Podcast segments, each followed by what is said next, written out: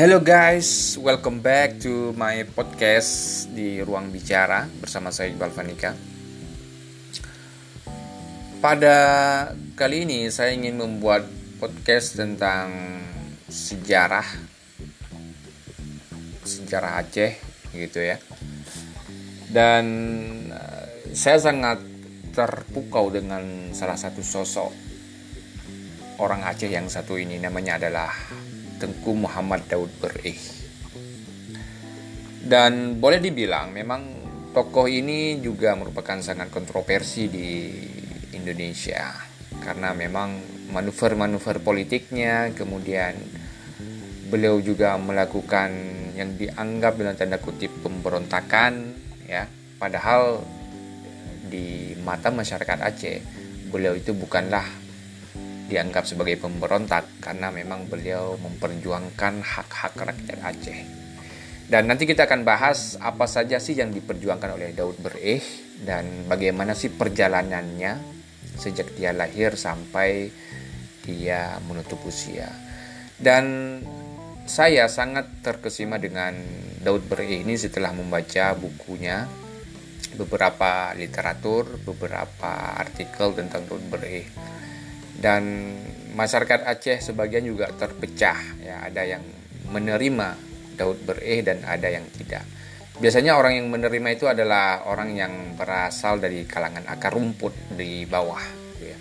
masyarakat biasa. Tapi banyak yang menolak itu adalah golongan-golongan yang menolak ya. Golongan-golongan dari uh, bangsawan enggak juga ya di Aceh. Tapi lebih kepada uh, keturunan Ule Balang sih, keturunan Teku ya.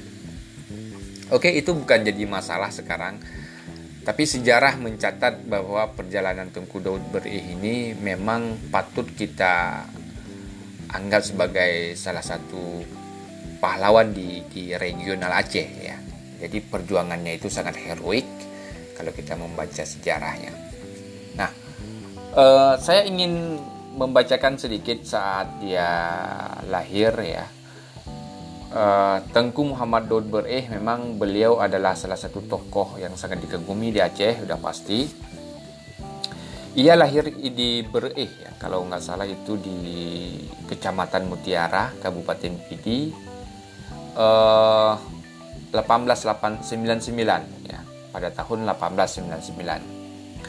Sebenarnya pada saat itu kan masih uh, pada zaman penjajahan ya, penjajahan kolonial Belanda pada saat itu beliau lahir itu.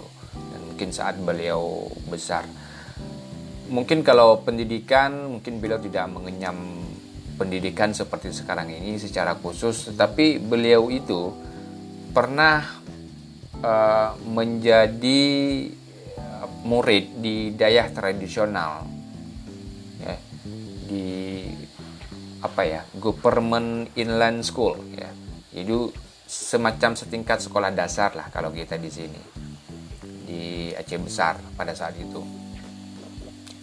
Kemudian uh, walaupun kiprah pendidikannya uh, perjalanan pendidikannya tidak begitu mulus ya tetapi beliau itu mampu membaca dengan sangat baik dan membaca huruf Latin sangat baik ya Bahkan uh, pada tahun 1933 saat beliau sudah dewasa tentunya ya, ini berapa lah uh, berapa berpuluh tahun kemudian, dia juga mendirikan sebuah madrasah di Sigli. Dan madrasah itu sangat tersohor di Aceh dan madrasah itu sangat terkenal di Aceh. Ya. Kemudian perjalanan politik Daud Bereh ini ya sebelum eh, beliau itu diangkat menjadi gubernur Sumatera pada saat itu ya. Sebelum beliau diangkat menjadi gubernur Sumatera Utara beliau apa namanya?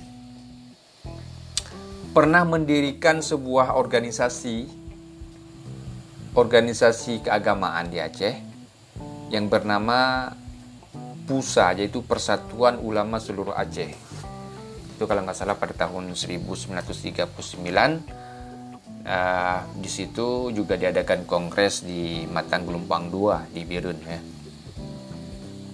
Dan pada saat itu beliau terpilih sebagai ketua umum. Tengku Muhammad Daud Berih terpilih sebagai ketua PUSA pada saat itu. Nah, eh, PUSA pada awalnya memang sebuah organisasi keagamaan, tetapi lama kelamaan mereka menjadi sebuah apa namanya? juga memperjuangkan politik.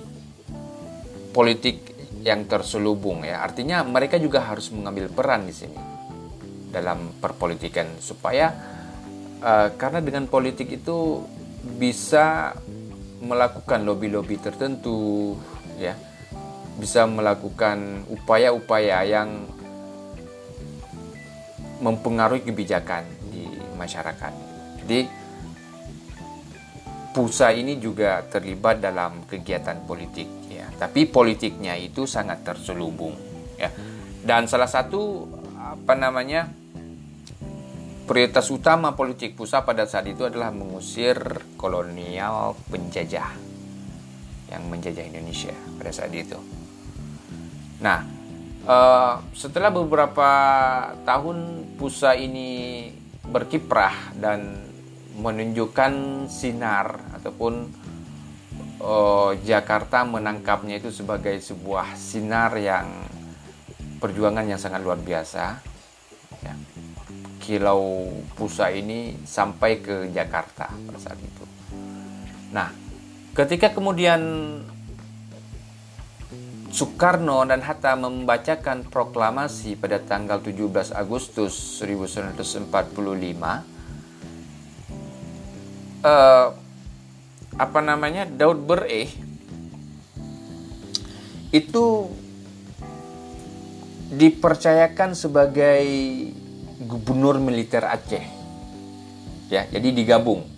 Dipercayakan sebagai seorang gubernur militer Aceh. Yaitu digabung dengan Langkat dan Tanah Karo pada tahun 1947 ya, setelah proklamasi itu dibacakan. Jadi Muhammad Daud Bereh menjadi gubernur Aceh, Langkat, dan Tanah Karo. Artinya mencakup Banda Aceh dan Medan, Sumatera Utara. Mungkin sampai ke Padang mungkin ya pada saat itu. Dan di dari Jakarta juga beliau di di dikasih pangkat menjadi jenderal mayor.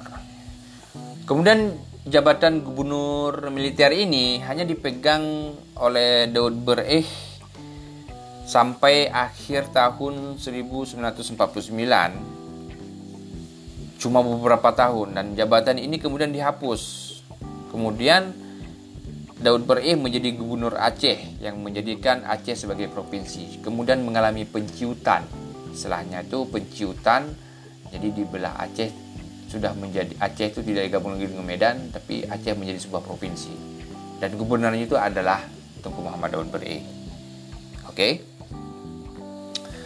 Kita bicara sepak terjang sejarah perjalanan Tengku Daud Muhammad Beri dari perpolitikan Indonesia kemudian baru nanti di akhir ada pemberontakan lainnya mungkin di sesi-sesi yang lain segmen lain mungkin saya akan bahas secara merinci tapi saya akan membahas tentang menggarisbawahi uh, tahun-tahun perjuangan Teguh Muhammad Daud Beri ini.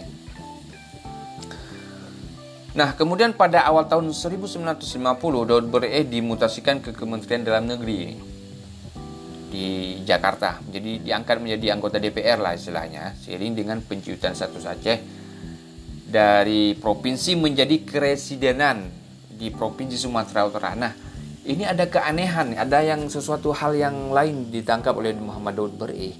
Kenapa Aceh yang dulunya itu sangat spesial ketika perjuangan melawan kolonial Belanda, kemudian modal masyarakat Aceh itu sangat besar terhadap RI. Ya. Kemudian Aceh itu mempertahankan wilayah kesatuan Republik Indonesia dari tangan Belanda dan Belanda tidak berhasil merebut Aceh dari merebut tanah Aceh dari rakyat Aceh. Kemudian juga Aceh juga memberi sumbangan berupa pesawat Dakoda 1 itu cikal bakal Garuda Indonesia. Tetapi sejauh ini Jakarta mengkhianati rakyat Aceh. Kalau dalam apa namanya? Kalau kita melihat dari dari perjalanan sejarah ini ya, yang tadinya itu menjadi sebuah kemudian di, di, digabung dengan dengan Sumatera Utara ini ini apa-apaan ini? Kenapa bisa digabung? Gitu? Ya, karena Aceh itu pada saat itu dia tidak meminta banyak kepada pemerintah pusat, hanya beberapa seperti menerapkan syariat Islam di negeri Aceh. Dan itu tidak akan mengganggu sistem perpolitikan Indonesia, saya rasa. Aceh ingin menerapkan darurat apa sorry Aceh ingin menerapkan syariat Islam tetapi responnya tidak baik dari Jakarta Ujung-ujungnya Aceh digabung dengan Sumatera Utara dan menjadikan Aceh dikerdilkan. Nah, saat kondisi seperti ini, ya, Jakarta juga tidak tidak apa namanya memberikan perhatian lebih perhatian yang secara khusus terhadap Aceh. Kemudian Tengku Muhammad Daud Beri melihat perpolitikan di Jakarta itu hanya sibuk mengurus tentang birokrasi, perdebatannya seperti sama mungkin seperti sekarang ini ya kita melihat di di TV One itu sering ribut-ribut, sering salah menyalahkan, sudah menyudut perang-perang murut komentar kayak gitu. Mungkin hampir sama seperti itu, cuman mungkin uh, situasinya berbeda pada saat ini dan dulu. Hanya sibuk tentang uh, sistem parlementer di parlemen. Mungkin ini yang ditangkap oleh Muhammad Daud Bereh. Sehingga apa? Tengku Muhammad Daud Bereh akhirnya melakukan manuver politik. Melakukan manuver politik dengan mengancam pemerintah RI bahwa Aceh akan melakukan pemberontakan atau memproklamirkan diri untuk berpisah dengan RI atau bergabung dengan DITI pada saat itu. Nah, dan itu bukan satu-satunya masalah sebenarnya kalau kita melihat. Tuku Daud Bere juga pernah menerima laporan bahwa uh, ada ditemukannya sebuah dokumen rahasia dari Jakarta. Dokumen itu disebut-sebut dikirim oleh Panglima Menteri Ali Sasrowadmi Jojo yang isinya berupa perintah pembunuhan terhadap 300 tokoh masyarakat Aceh. Jadi tidak hanya masalah keinginan rakyat Aceh yang syariat Islam kemudian merasa dikerdilkan, kemudian apa namanya lagi uh, tidak diperhatikan gitu sesuai dengan apa yang dikatakan uh, perjanjian Soekarno pada saat berkunjung ke Aceh. Tetapi ditemukannya sebuah dokumen itu ini juga menjadi salah satu pemicu kemarahan dari Muhammad Daud Bereh. Ya. Uh, kemudian saat itu Tuku Muhammad Daud Bereh pulang ke Aceh. Kemudian pada tahun 1953 Bereh melakukan kongres di Medan yang pada saat itu juga tergabung antara uh, organisasi Pusa ini dan beberapa tokoh Aceh dan pada saat itu Tengku Muhammad Daud Bereh mendapat dukungan dari kongres itu. Artinya dari tokoh tokoh-tokoh dan para ulama mendapat dukungan bahwa kita harus berperang melawan Jakarta. Dan pada saat itu Muhammad Tengku Muhammad Daud Bali mendapat dukungan. Nah, selang beberapa tahun, tepatnya tanggal 20 September 1953, Tengku Muhammad Daud Bereh lalu memproklamirkan berdirinya negara Islam Indonesia atau yang dikenal dengan istilah DITII ya pada saat itu yang sebagai apa namanya imam besarnya yang kepemimpinan Sekar Madi Marjan Karso Wirjo Kartoso Wirjo kalau nggak salah ya Sekar Madi Sekar Maji Sekar Maji Marjan Kartoso Wirjo yang sebenarnya beliau sudah memproklamirkan berdirinya negara NITI pada 7 Agustus 1949. Nah, Sekar Madi Marjan ini dia sudah duluan karena juga kegaduhan politik pada saat itu memungkinkan daerah-daerah lain itu akan terurai, akan timbulnya pemberontak ya. Karena uh, kericuhan dari parlemen di Jakarta itu hanya sibuk membahas tentang sistem perpolitikan parlementer lah, presidensial segala macam itu. Jadi masyarakat ini mungkin bosan, capek dan lain sebagainya, maka dia memilih cara lain yaitu untuk berpisah ataupun ingin mendirikan lain. Bahwa kalau kita baca memang perpolitikan pada saat itu sangat kacau ya di Jakarta. Dan apalagi pada saat itu eh, Soekarno juga mengalami konflik dengan wakilnya gitu ya. Kalau kita melihat sejarah gitu. Oke, kita kembali. Kemudian eh, kabar proklamir bahwa Aceh bergabung dengan DITI mendapat uh, sampai kabarnya kepada Soekarno, sampai kabarnya kepada Soekarno di Jakarta, dan akhirnya Soekarno mengambil langkah bahwa ingin berkunjung ke Aceh untuk mendinginkan suasana, gitu ya, dan beliau juga bertemu dengan Teguh Muhammad Duri. Dan ini bukan kali pertama Soekarno berkunjung ke Aceh setelah janjinya itu tidak ditepati, janji orang Aceh tidak ditepati. Ya. Pernah beberapa kali, tapi permintaan masyarakat Aceh juga tidak dikabulkan. Gitu. Jadi hanya bersifat uh, mendiam, dingin gitu. Kemudian saat beliau ke ke, ke Aceh setelah proklam masih deklarasi eh, setelah deklarasi itu setelah deklarasi bergabung dengan DITI itu uh, disambut dingin oleh masyarakat Aceh dan Teguh Muhammad Daud disambut dingin dan karena memang tabuh perang sudah ditabuh gitu dan perang hampir berkobar gitu. Kemudian di tahun yang sama juga Hatta juga berkunjung ke Aceh. Dan Hatta juga lumayan berhasil. Karena karena begini karena Hatta ini dia tahu persis bahwa penyelesaian konflik Aceh hanya bisa diselesaikan dengan otonomi khusus dan federalisme sebenarnya. Hatta tahu persis. Namun ketika Hatta balik ke Jakarta Hatta diserang oleh politikus garis keras. Politikus uh, yang yang yang apa namanya sekuler ya terutama PKI diserang. Kemudian memang perang akhirnya tidak terhindarkan lagi di Aceh yaitu meletus perang. Pada saat itu memang perang sudah e, berkobar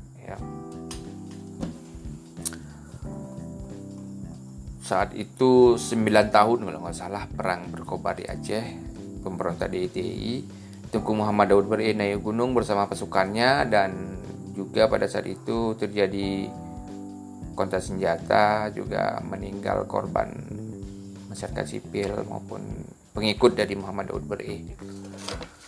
Kemudian eh, pada beberapa kesempatan ya Kolonel M. Jasin, Panglima Kodam 1 Iskandar Muda yang diutus untuk membujuk Bereh berhasil melobi bahwa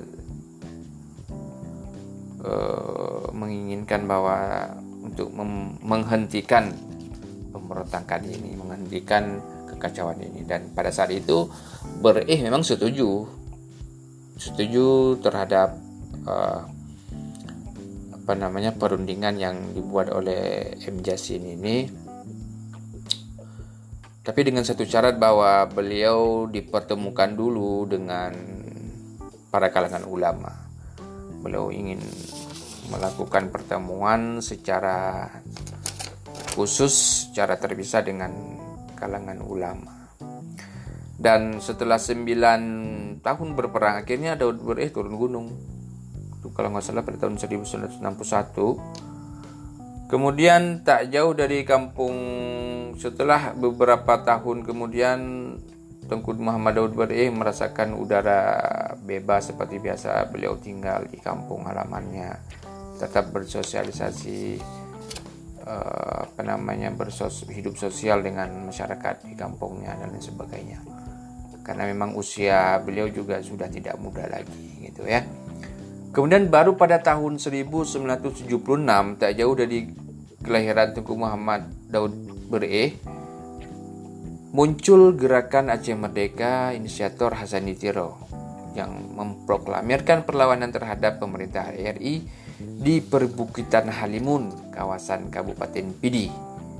Ya, tujuannya ya mungkin hampir sama dengan dengan dengan alasannya, mungkin hampir sama dengan Tengku Muhammad Daud Bereh itu ingin memisahkan diri dari RI kemudian membuat menerapkan syariat Islam, buat negara Islam, atau lebih tepatnya apa ya?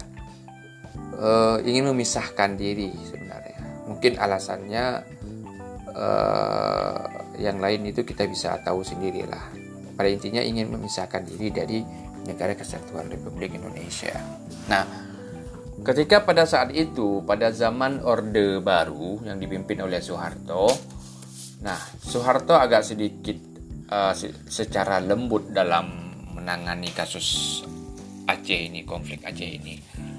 Bahkan Soeharto tidak langsung mengirim pasukannya ke sini, tidak.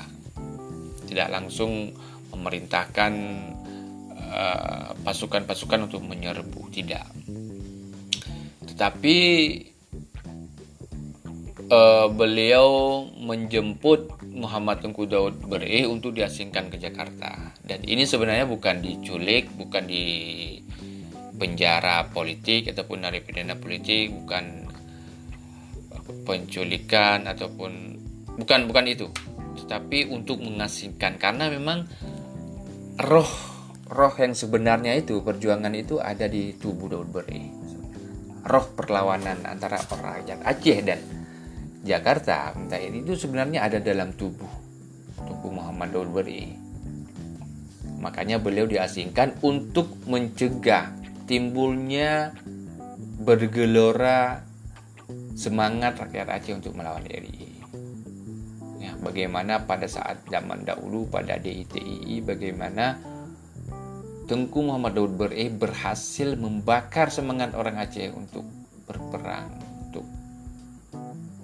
untuk melawan pemerintah RI dan saya rasa berhasil beliau membakar semangat orang Aceh membakar apa namanya uh, semangat perlawanan gitu ya untuk diajak berperang. Nah setelah diasingkan sebelah beberapa tahun ya konflik tetap ber, berlanjut di Aceh tapi tidak sebesar masa dom masa masa Megawati pada saat itu tapi masih berjalan sangat uh, soft ya tidak begitu banyak tentara yang dikerahkan di Aceh pada saat pada saat zaman Su Soeharto. Nah, Tengku Muhammad Daud Bure setelah diasingkan ke Jakarta tidak ada satu hal lain, tidak ada penyakit apa pun yang diderita Muhammad Tengku Muhammad Daud Beri Muhammad Daud Beri ini selain rindu kampung halaman dia sangat rindu dia sangat cinta dengan orang dengan masyarakat Aceh. Dia sangat mempedulikan nasib-nasib orang Aceh.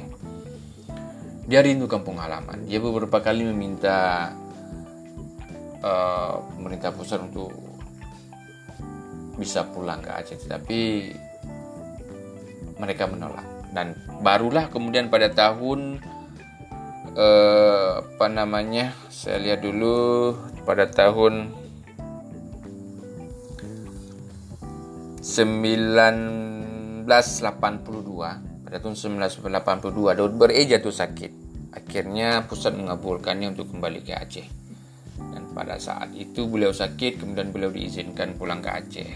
Karena memang usia beliau itu sangat tua itu usia beliau pada saat itu 87 ya. 86 87 gitu ya.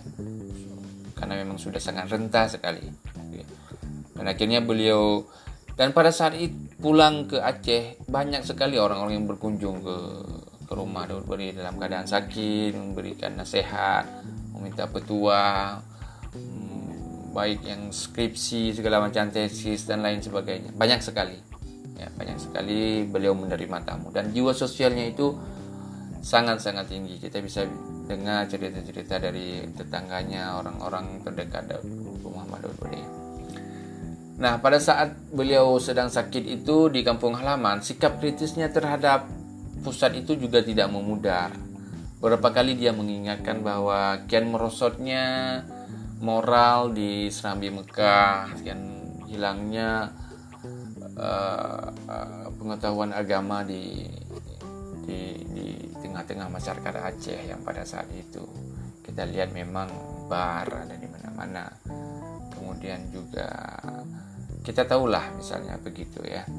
Kita tahu oh, cerita-cerita zaman dahulu sebelum tsunami itu Aceh itu bagaimana. Dan banyak uh, ruang-ruang karaoke yang liar banyak rumah-rumah yang rumah-rumah bordir ya mungkin ya. Kemudian banyaklah kita mendengar pada saat itu. Aceh memang sangat-sangat uh, sama seperti mungkin ya seperti daerah lain gitu ya, di Indonesia kota-kota besar gitu. Bersikap kritisnya dia beberapa kali mengingatkan kepada Jakarta kepada Soeharto mengirim surat bahwa kian merosotnya moral di Serambi Mekah orang-orangnya ekonominya juga terpuruk ya dan kurangnya perhatian dari pemerintah pusat pada saat itu Kemudian pada tahun apa namanya 1987 Tunku Muhammad Daud Bari tutup usia di usia 88 tahun. Beliau meninggal di rumahnya di Beri samping masjid masjid sekarang itu ya, samping rumahnya dan dikuburkan di situ. Beliau wafat beliau dikuburkan bersama segenap impiannya tentang masa depan Aceh. Bahwa memang cita-cita beliau itu ingin menjadikan Aceh ini sebagai daerah yang menerapkan syariat Islam gitu ya. Karena memang kalau saya melihat garis perjuangannya itu cuma itu. Karena Aceh ini adalah Serambi Mekah ya karena pertama Islam di Nusantara ini adalah Aceh mas jadi Aceh ini sangat spesial banyak kitab-kitab yang yang dikarang oleh ulama-ulama besar ada di Aceh orang-orang besar ada di Aceh seperti Hamzah Pansuri, Syekh Abdul Rauf dan lain sebagainya banyak di Aceh dan beliau tutup usia di usia yang ke-88 tahun. Kita semua rakyat Aceh pada saat itu berduka. Dari Jakarta, Soeharto juga mengirim karangan bunga. Karena bagaimanapun juga, Tugu Muhammad Daud Beri ini sebenarnya adalah pahlawan. Dia yang membakar semangat-semangat pejuang-pejuang Aceh untuk melawan Belanda pada saat itu. Dia yang memperhatikan nasib masyarakat Aceh dari kalangan akar rumput dari kalangan bawah yang memperjuangkan hak-hak masyarakat Aceh dari paling yang kecil sampai yang yang yang yang bergelar mungkin bangsawan.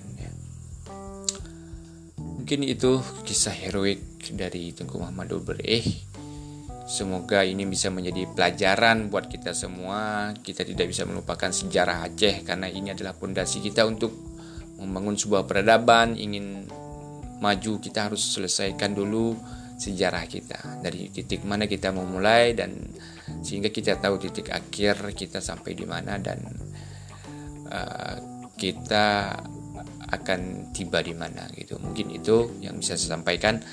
Terima kasih sudah mendengar podcast ini dari awal sampai akhir. Mungkin tidak begitu sangat-sangat uh, dibuat dengan informatif karena juga saya keterbatasan kata-kata.